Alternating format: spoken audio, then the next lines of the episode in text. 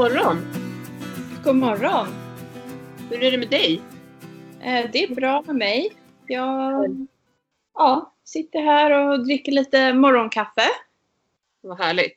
Ja, jag, faktiskt idag eh, så var det jag som gick upp väldigt eh, nära in på att vi skulle spela in för att jag busade och det var så otroligt mörkt så att jag trodde att klockan var ja, ganska tidigt på morgonen. Men Ja. Det var bara att det, det blev aldrig riktigt ljust i morse. Så Det regnar här igen. jaha, ja det är Jag har vågat kolla om det regnar här, men det gör det ju säkert då. Ja. Ja. ja. Så är det. Vi får hoppas eh, att det kanske... Det skulle eventuellt bli lite kallare nu här närmare jul. Jag hoppas verkligen det. Jag också. Jag är så trött nu på den här leran. Jag vet att vi har pratat om det många gånger här men alltså verkligen. Det här är inte roligt. Som hästägare eller en person man rider. Det är inte roligt med den här leran. Och det märks så tydligt på, på hästarna också. Faktum Mm. är att alla har blivit lite överansträngda i sina framben. Förmodligen för att det blir som sugproppar i, i leran när han går. Och han är ju inte van att halka omkring i lera. Han är ju liksom van att stå i Spanien på torrt underlag. Så hans leder det har blivit ansträngt för honom. Och sen Ja. dessutom så tappar ju han ofta sina skor. Eh, framskorna. Så nu har ju han varit utan här för Hovslagen hade inte möjlighet att komma så han har nästan varit utan sko i en vecka och det, var, det är på det frambenet som han var svullen. eh, Liksom. Ja. Lite, va- lite varm, lite lätt så här, som lite gallig. Ja. Ja, lite så. Så jag hoppas att det, inte, att det inte blir något värre nu för nu får han ju stå lite mer på box och sådär och vila lite. Och nu kommer jag ta paus från ridning och så också och träning. Så han får bara får se att det, vi får kolla från dag till dag och se hur det är. ja. Men hade du kollat honom idag? Nej, jag har inte, faktiskt inte varit ute idag för nu Lin, har Linus, min man, matat dem i morse här så jag ska gå ut efter vi har poddat klart här och gå ut Ja. och kolla. Men det såg bättre ut igår kväll tyckte jag så det kan mycket möjligt vara så också att den har varit lite öm eh, på grund av att han inte har haft skor, skor på ena framhoven och det blir lite ojämnt också så det blir lite snedbelastning med. Ja. Jag hoppas att det bara är någonting sånt. Men hovslagaren sa att det här vädret är ju inte roligt. Den här Nej. leran. Det blir som sugproppar och de halkar. Och... Även, om de har, även om de har vissa partier i hagen som inte är superleriga som de ändå kan stå hyfsat i så, så går de ändå omkring för de vill ju ändå röra på sig och det blir ju verkligen en sugpropps liknande när de går i leran med sina hovar. Ja, det är tungt alltså. Ja, Men eh, det är, de flesta har det ju så just nu. Mer Ja. eller mindre. Så att vi, det, det är ju så onaturligt att det är så här i december. Det brukar inte vara så här varmt och regnigt.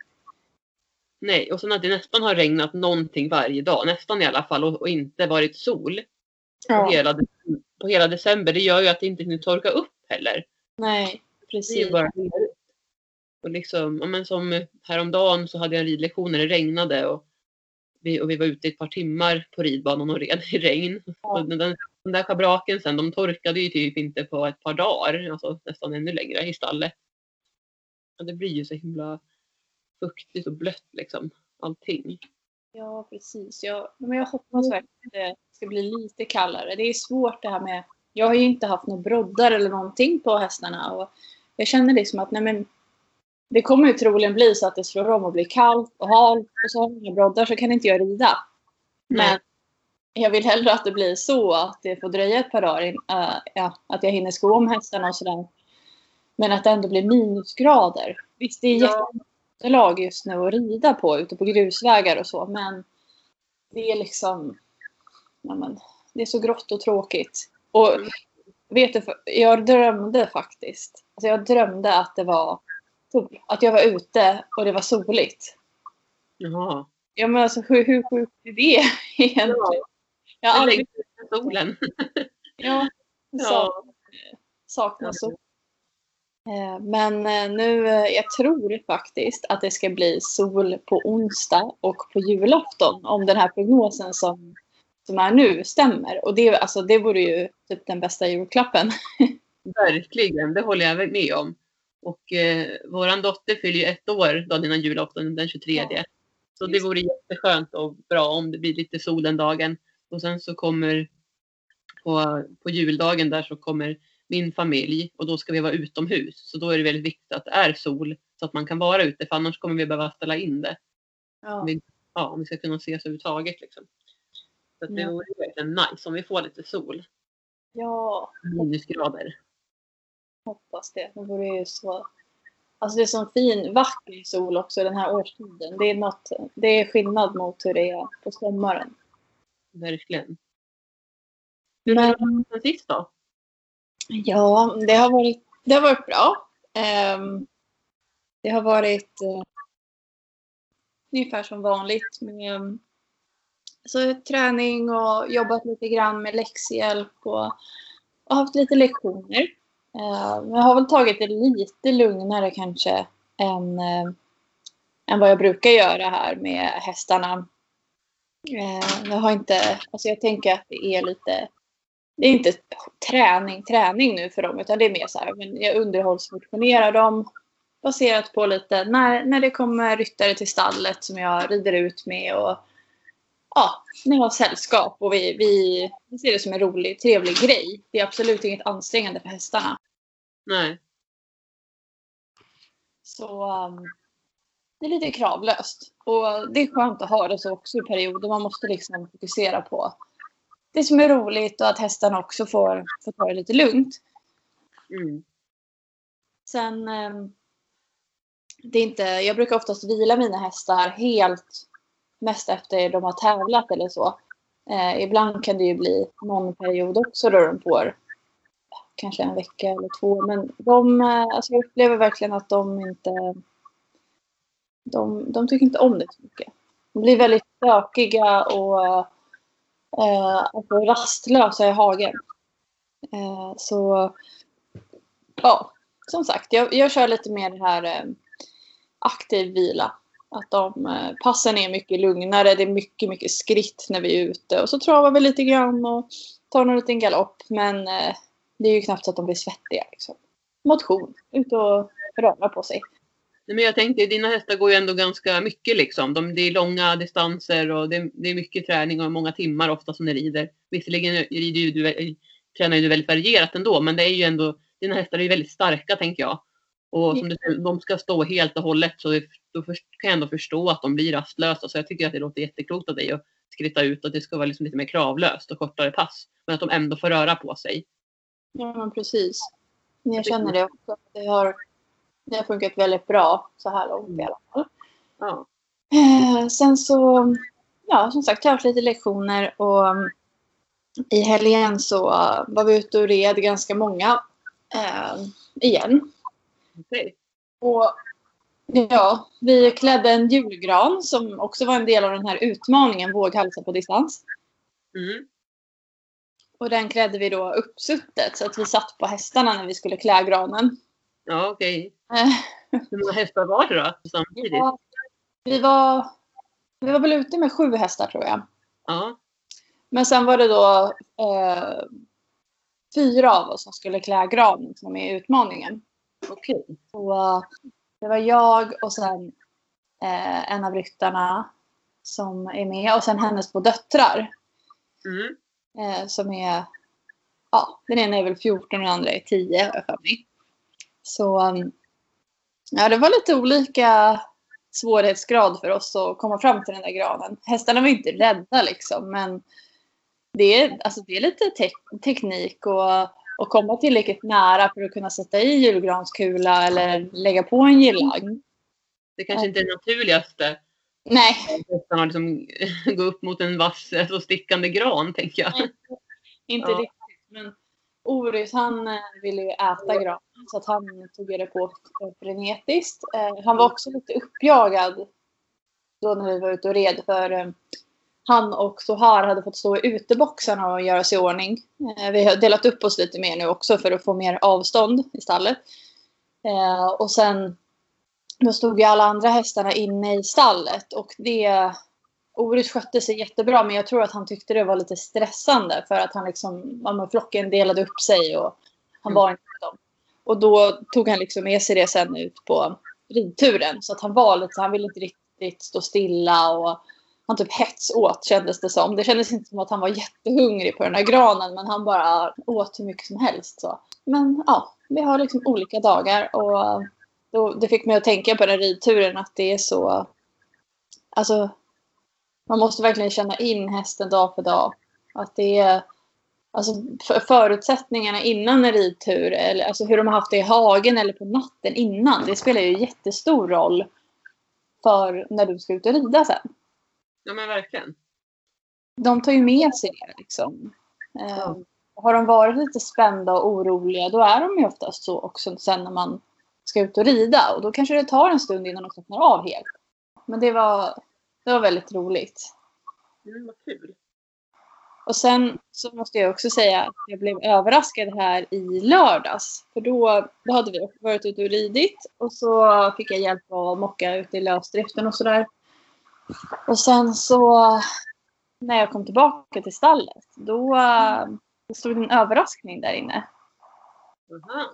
Ja, och det var inte häst säga. Eh, utan eh, det stod en skottkärra. Och först trodde jag att det bara var en skottkärra för att det låg typ som en, ett skynke över den. Så jag tänkte, oh, wow, jag har fått en skottkärra liksom.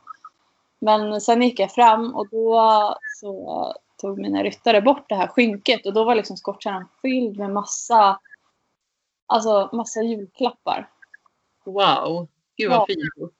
Ja men det var så fint och det var, det var en ny uppsittningspall för min är, den har ju typ gått sönder, eller den har gått sönder. Den går att använda men det är lite på egen risk. Så det Ja. var en ny sån.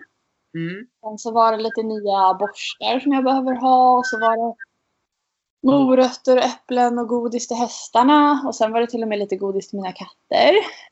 Mm, det var, det var massa lyft till mig också. Alltså typ, ja men det var blandat, blandade godissorter, typ tryffel och lite finare grejer. Och sen var det smaksatt kaffe.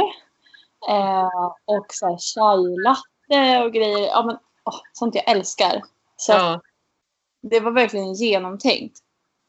det Eh, var, vad kul att du fick en sån fin julklapp. Ja. Sen fick jag, en av eh, tjejerna i stallet hade också målat en tavla som föreställer ett arabiskt fullblod. Så att eh, den eh, har jag satt upp på väggen.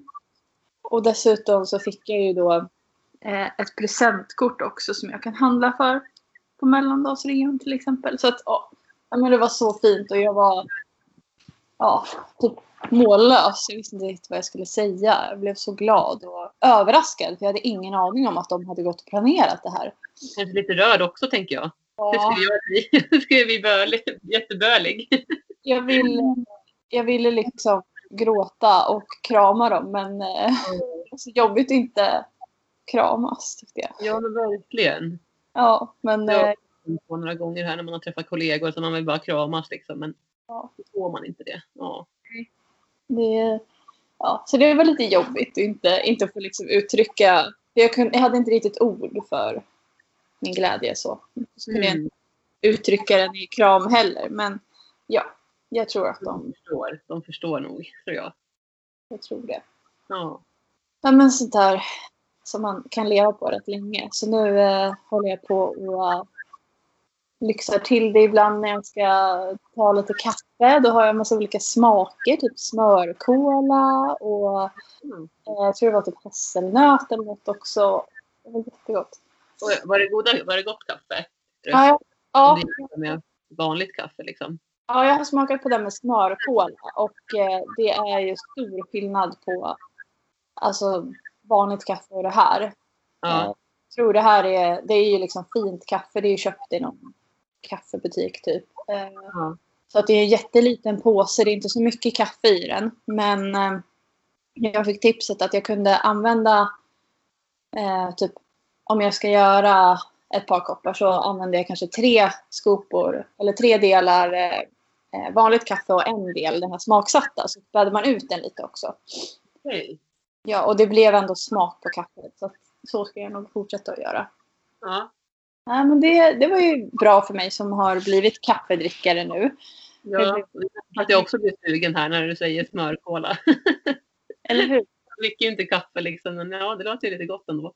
Ja, eller hur? Jag tror, Jag tror att de flesta skulle gilla kaffe, sådär riktigt fint kaffe. Det är ju skill det är skillnad på det och eh, annat kaffe som man kan köpa.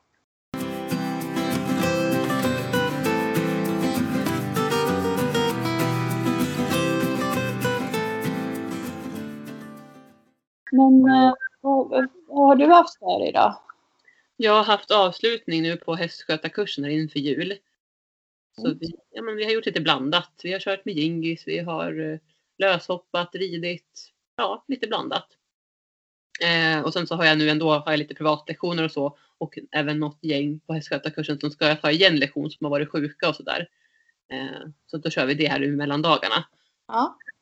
Eh, annars har jag tömkört och longerat Abbe, ridit någon gång och så har jag också ridit lektion igen här nu för den här instruktören då som jag vet att du nämnde i förra avsnittet.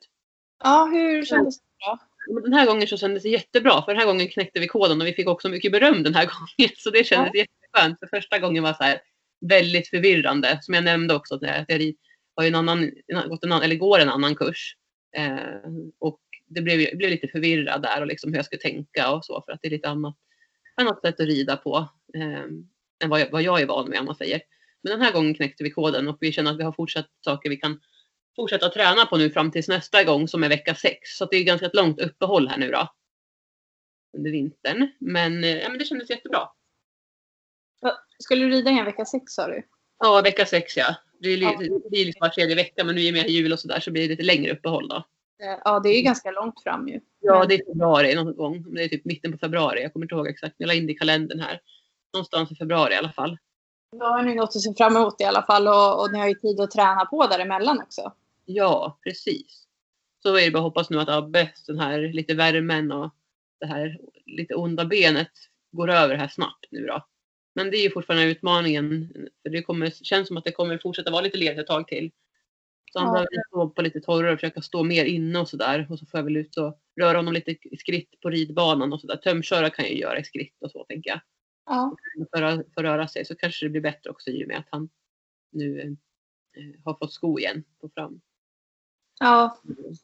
Ja, Men- men det känns kul med den här ridlektionen nu att- Så jag kommer fortsätta rida för henne. Det känns bra. Mm. Härligt. Ja, verkligen.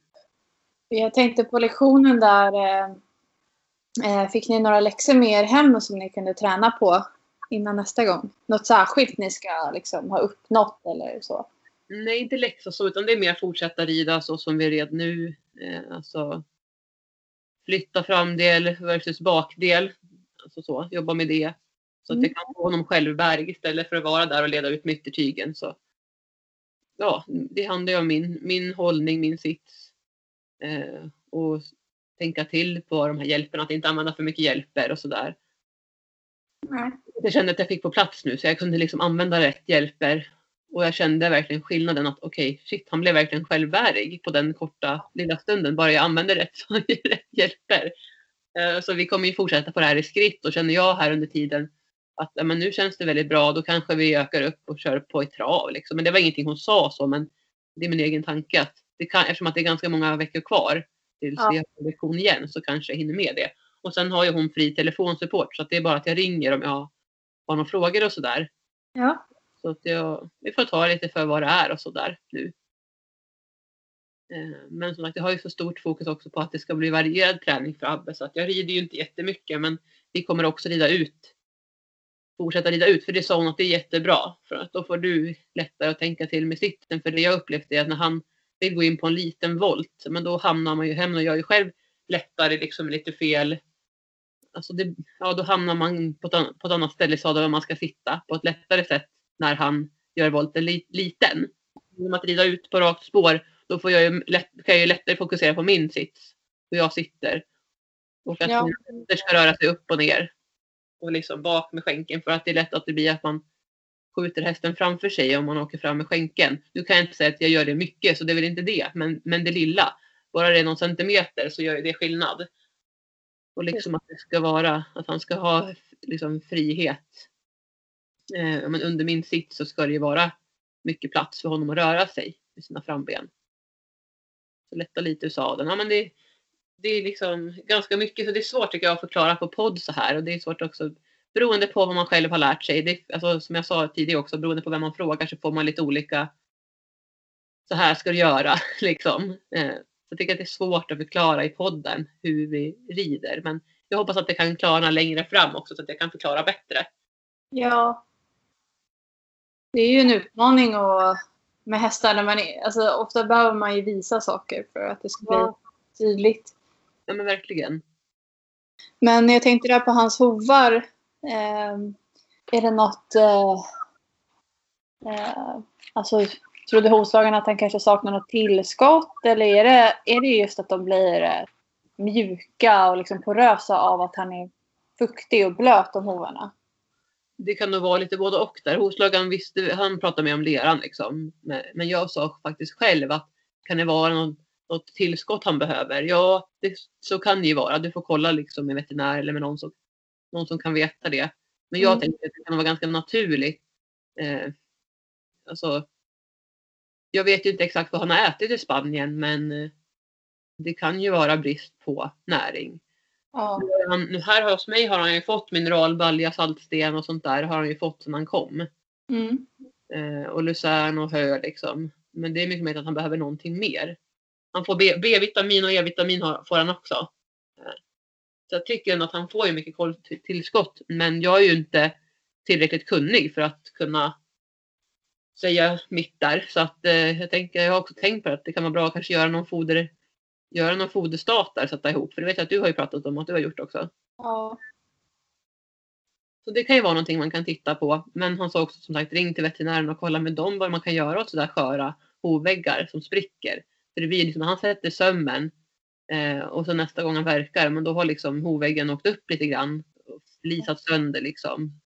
Så att då blir det ännu svårare för honom att sätta sömmen. Till slut har den ingenting att spika i om det åker ända upp så långt upp det går, vad man säger. Så det blir liksom, han sa till mig att du är nog typ den första jag rekommenderat, men att du ska köra med boost på Abbe på hans fram, fram Ja. framhålorna. Eh, så att ja, det är så här. På ett sätt, ja, det är skönt att veta vad man kan göra. Att man kan göra men det är någonting nytt för mig det här med boots. Det är jag liksom inte van med. Och då ska man Nej. försöka hitta någonting bra som funkar och det behöver man ju då ta av och på och sådär. Så att jag känner att det kanske är lite mäckigt men samtidigt så får jag göra det jag kan för Abbes skull. Men eh, jag tänker... Eh, har du provat någon annan typ av sko på honom? Nej men jag har ju inte det. Han har bara haft, vad säger man, vanliga skor liksom.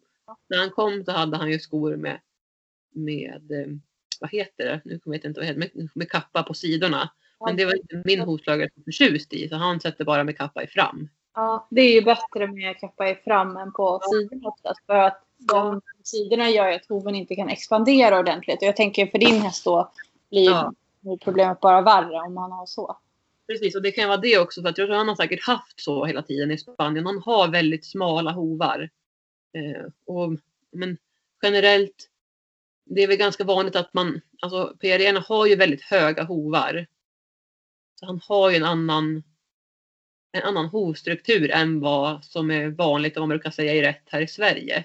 Ja. Håller på att försöka jobba på det, liksom, få ner dem lite grann. Men det där är ju också svårt för det måste ju ta tid. Det får man ju inte göra för snabbt för det blir ju inte bra för hästen. För han är ju van att ha sina hovar på det sättet. Samtidigt som jag tycker inte att det är optimalt eh, att ha så höga hovar som han har haft. Nej. Jag börjar komma ner lite nu och försöker bredda dem. Så som, precis som du säger att han måste kunna få bredda hovarna lite mera. För som det är nu så har vi bakskor i fram för att han är så otroligt smal på sina framhovar. En trångt. Man behöver eh, vidga sig och då det, det blir så knepigt på ett sätt för eh, om hästen då har lite en tendens att trampa av sig skorna också då vill man ju inte lägga ut skorna jättemycket för ju mer du lägger ut dem ju lättare är det ju för hästen att trampa av sin sko.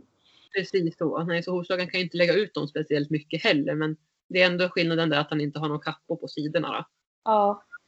Men jag tänker... Eh, eh, alltså ofta så kan det ju vara att de har kanske någon spänning i framdelen, typ i bröstmusklerna eller så, som gör att de inte sträcker ut fram Mm. tillräckligt snabbt. Och då kanske de är mjukare i bakdelen och så kommer bakbenet och trampar på fram och så trampar de av sig skorna. Mm. Så när jag har haft det problemet då har jag tagit ut typ någon ekoterapeut eller en kiropraktor eller något som har tittat på hästen och sett då att ja, men en muskel, en låsning eller muskel Ja. någonstans som har i sin tur sen gjort att problemet har försvunnit faktiskt oftast helt och hållet. Mm, vad bra, vad skönt. Ja, Ja. men det är som du säger att man, det kan vara bra att ta ut en ekviterapeut eller någonting. Det jag har haft ute är ju massören då. Mm. Och ja, han är ju lite spänd på vissa ställen men det är ingen så här större fara. Men det kan vara bra att fler får titta på honom och se, som du säger. Sen är det ju lite grann, han är ju så kort i kroppen och han Mm. har väldigt långa ben. Eh, och PREna är ju väldigt överrörliga. Ja. Och jag, jag tycker att han har blivit mycket, mycket bättre. Han har inte lika mycket tappskott som han hade i början. Nej. Och han är ju mer på marken nu än vad han var tidigare. Så var han ju lite mer hoppa till och blev rädd för saker i hagen. Sprang sina runder där så fort han såg någonting som han tyckte var lite läskigt i och med att han inte var van att gå på hage och sådär. Mm. Men där har han faktiskt lugnat sig betydligt. Men jag tror att ja, eh, alltså leran gör ju att det är lättare att skorna åker av. Och, ja, men vi får se lite grann här. Fortsättning följer helt enkelt. Så ekviterapeut, absolut, det ska jag kolla på. Och sen så ska jag också prata med veterinären för jag ska ändå ringa angående Gingis här också och kolla lite. Så då kan jag ställa frågan om Abbe, dels med hans hovväggar, vad man kan göra. Men de kommer säkert säga det som vi är inne på, det här med tillskott och ha honom mer inne så att han inte står på så mycket blött och sådär. Mm. Tror jag. Det är lite logiskt tänkande som gäller där. Ja. Han är ju ändå uppvuxen i Spanien i ett varmt och ganska liksom ändå torrt klimat. Inte det klimatet vi har här. Det här är ju liksom värsta tänkbara Mm. blöta som vi har i Sverige. Det är ju just nu då. Så jag kan väl ändå känna. Han hade mycket bättre hovar i somras. Absolut. Det var, Ja. och då sa hovslagaren att han hade bra hovar. Eh, men nu har vi ju insett att nej, så är inte fallet. Så att jag tror också att den här blöta, det är det som är den stora boven i det. Hans hovar har blivit uppmjukade. Men med tiden så kanske hans hovar också blir bättre. Ja, alltså det... Ger man då bara rätt förutsättningar så kan det absolut bli mycket bättre. Jag har ju fullblod hade inte så bra hovar när han kom heller. Men eh, han har ju jätte, jättefina hovar nu. Det är sån skillnad liksom. Det tar lång tid men eh, ger man dem rätt förutsättningar så absolut, det går ju. Ja, verkligen.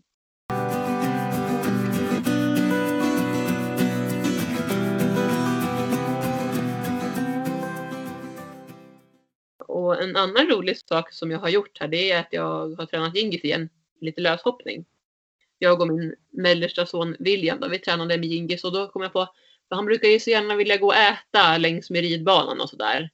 Jag tänkte det går ju inte när man ska löshoppa liksom. Eh, jag tänkte men jag testar med lite godis och ser om han blir mer motiverad. Och det blev han. Så han liksom, först så ledde jag runt honom på banan så där för hand och så hoppade vi lite, skuttade vi över lite tillsammans och sen när han hade hoppat så fick han en liten godis. Ja, Och efter ett tag sen så släppte jag honom, skickade iväg honom så hoppade han.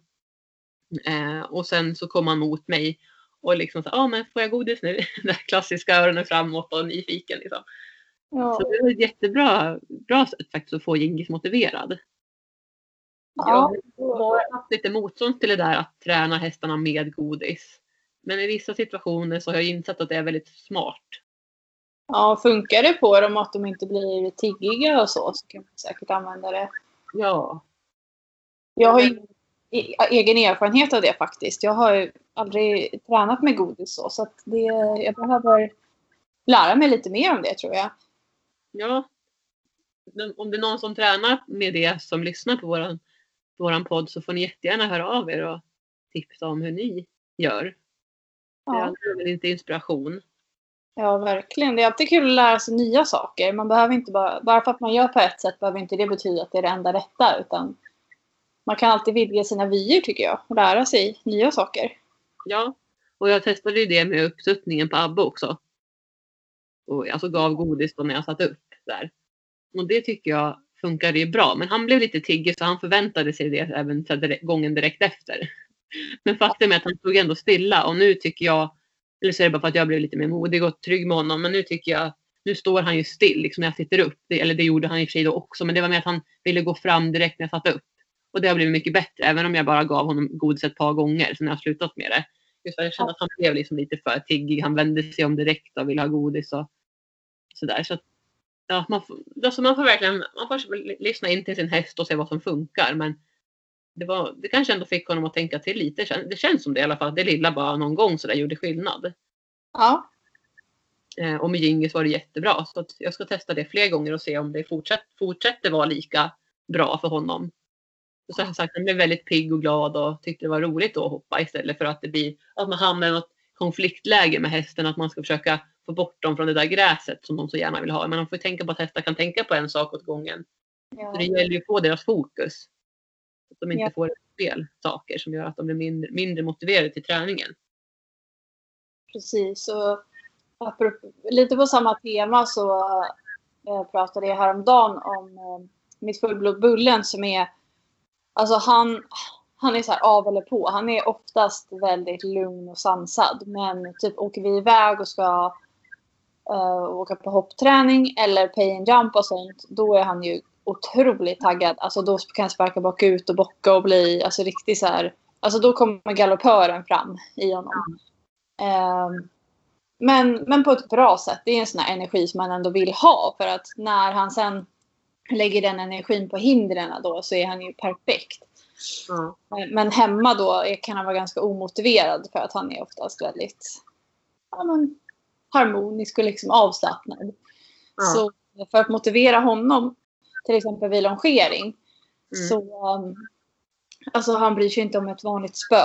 Jag använder ju inte spö på hästen heller utan det är liksom i luften och försöker att göra ljud som får hästen att reagera. Men det är han ganska, alltså han bryr sig inte om det. Nej.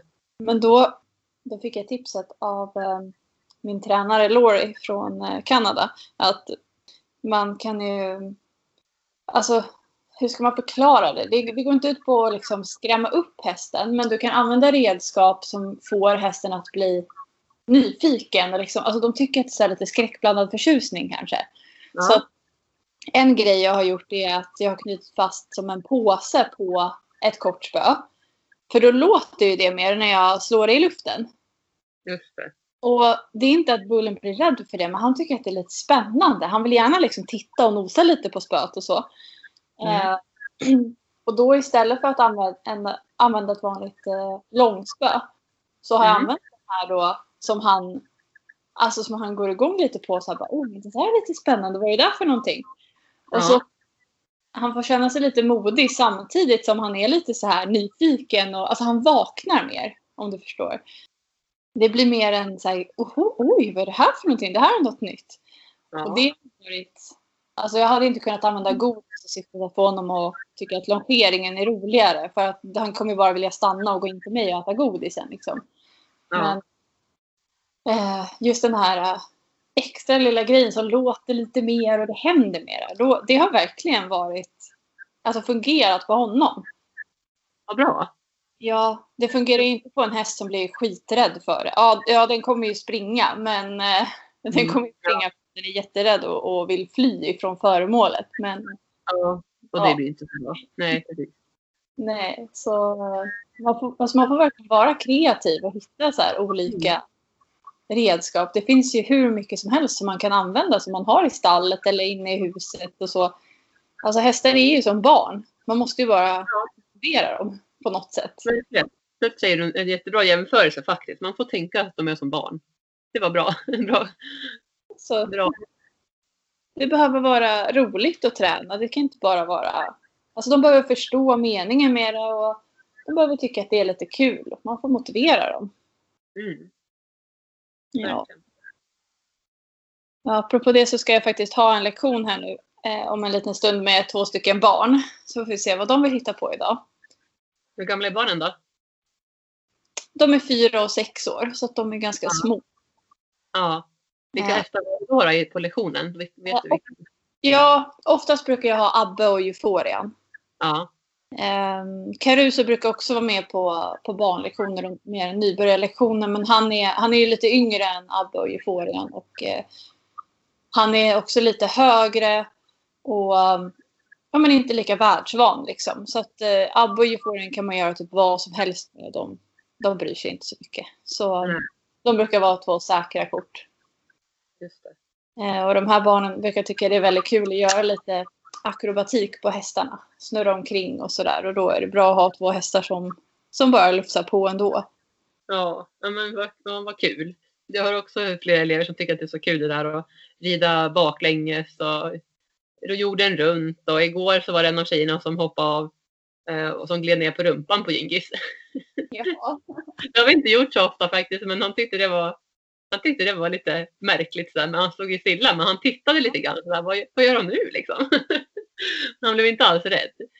Så vi har inte, det har vi inte gjort så jätteofta. Men hon bara, kan jag få hoppa ner, så här, glida ner på rumpan och åka rutschkana? Ja, men vi kan göra det. Vi testar. Jag håller i honom här och så har vi Ja. lite försiktigt bara. Men han, han bara stod där och så tittade lite grann. Vad håller de på med? lite så, vad händer nu liksom? Men han, ja, han var duktig. Hon ställer upp på så mycket Ja, verkligen. Ja. Ja, men eh, vad ska du göra här idag? Är det något särskilt? Ja, barnen har ju gått på jullov här nu då förra veckan. Så att de är hemma. ehm, och ja, men vi ska in och käka frukost faktiskt nu. Mm. Ja, så hand om hästarna också då. Släppa ut dem. Mm. Och kolla på julkalendern. Och sen så eh, har jag hästskötarkurs ikväll för att ett gäng ska ta igen de som varit sjuka. Okej. Ehm, så att, annars blir det ganska lugnt. Och sen så har jag, jag har en jobbpresentation ikväll. Då. Jag pratade om det här Framtidsstarkt, det här projektet vi har startat igång med mitt jobb. Eh, så det, vi ska ha en presentation om det ikväll. Så det blir lite kort förberedelser inför det också under dagen. Ja. Eh, men det är typ det som händer idag. Då. Och sen imorgon har jag någon ridlektion igen med en fyraårig tjej som kommer på dagen. Mm. Sen, eh, ja, det är väl ganska lugnt på hästfronten. Jag får se lite grann som sagt med Abbe nu då, hur han mår och om det blir någon träning med honom kanske imorgon. Men idag tänkte jag då ska jag bara få vila nu. Ja. Eh, och eh, sen är det ju då Jolins, vår dotters födelsedag, ettårsdag på onsdag och sen är det julafton. ja. Just det. Vi, eh, vi närmar oss jul här. Det jag måste slå in lite julklappar tror jag. Gjort Ja. Nej, vad har du nu då för dig innan, innan jul? Ja, men idag ska jag ha lite extra insatt eh, träff på jobbet med de som har varit på läxhjälp. De efterfrågade eh, lite avslutning, typ vi ska julpyssla lite, eller inte, inte göra julkort och sånt, men vi ska pyssla lite grann med, kanske göra någon julklapp till någon eller så. Så ska vi väl kanske fika någonting och så bara. Något enkelt. Men, eh, Ja. sista grej här innan, innan det blir eh, jullov på riktigt. Ja, Och så, ja som sagt, jag ska ha en lektion om en liten stund och sen i eftermiddag så blir det nog, eh, måste sko lite hästar och fixa grejer hemma på gården. Så det blir väl sådana grejer. In, ingen ridning för mig idag tror jag. Det, är- det blir vila för hästarna, eh, förutom de som ska gå, som ska gå lektionen. Ja. ja, men vi får väl önska alla en jätte, jättegod jul. Det får vi göra. Hoppas att ni kan fira den på något sätt med, med någon eh, som ni håller nära. Om ni vill göra det eller om ni vill fira ensam. Det vet man inte. Hoppas verkligen att vi alla får lite sol på julafton. Verkligen. Det, det tycker jag att vi förtjänar efter, efter det här eh, året. Efter en månad av mörker. Nej jag skojar. Nej. Faktiskt det är-. Vi har ju inte sett solen i stort sett någonting. Lite beroende på var man bor men i det stora hela så har vi inte fått mycket soltimmar. Nej. Ja, Vi får, får eh, skaffa energi ändå. det får vi göra. Vi får ju skaffa energi med våra hästar. Ja, det får man göra. De är i alla fall oftast glada ändå. De bryr sig inte så jättemycket om vad det är för väder. Nej, det gör de inte. Det är bra. Ja, det är skönt. Ja. Ja, God jul och ehm, ja, ha en, en riktigt fin jul så hörs vi här igen om någon vecka. Vi får väl till och med kanske säga gott nytt år också för eh, vad blir det då? Måste tänka. Nu släpper vi avsnittet på fredag, det är den 25. mm. ja, nej.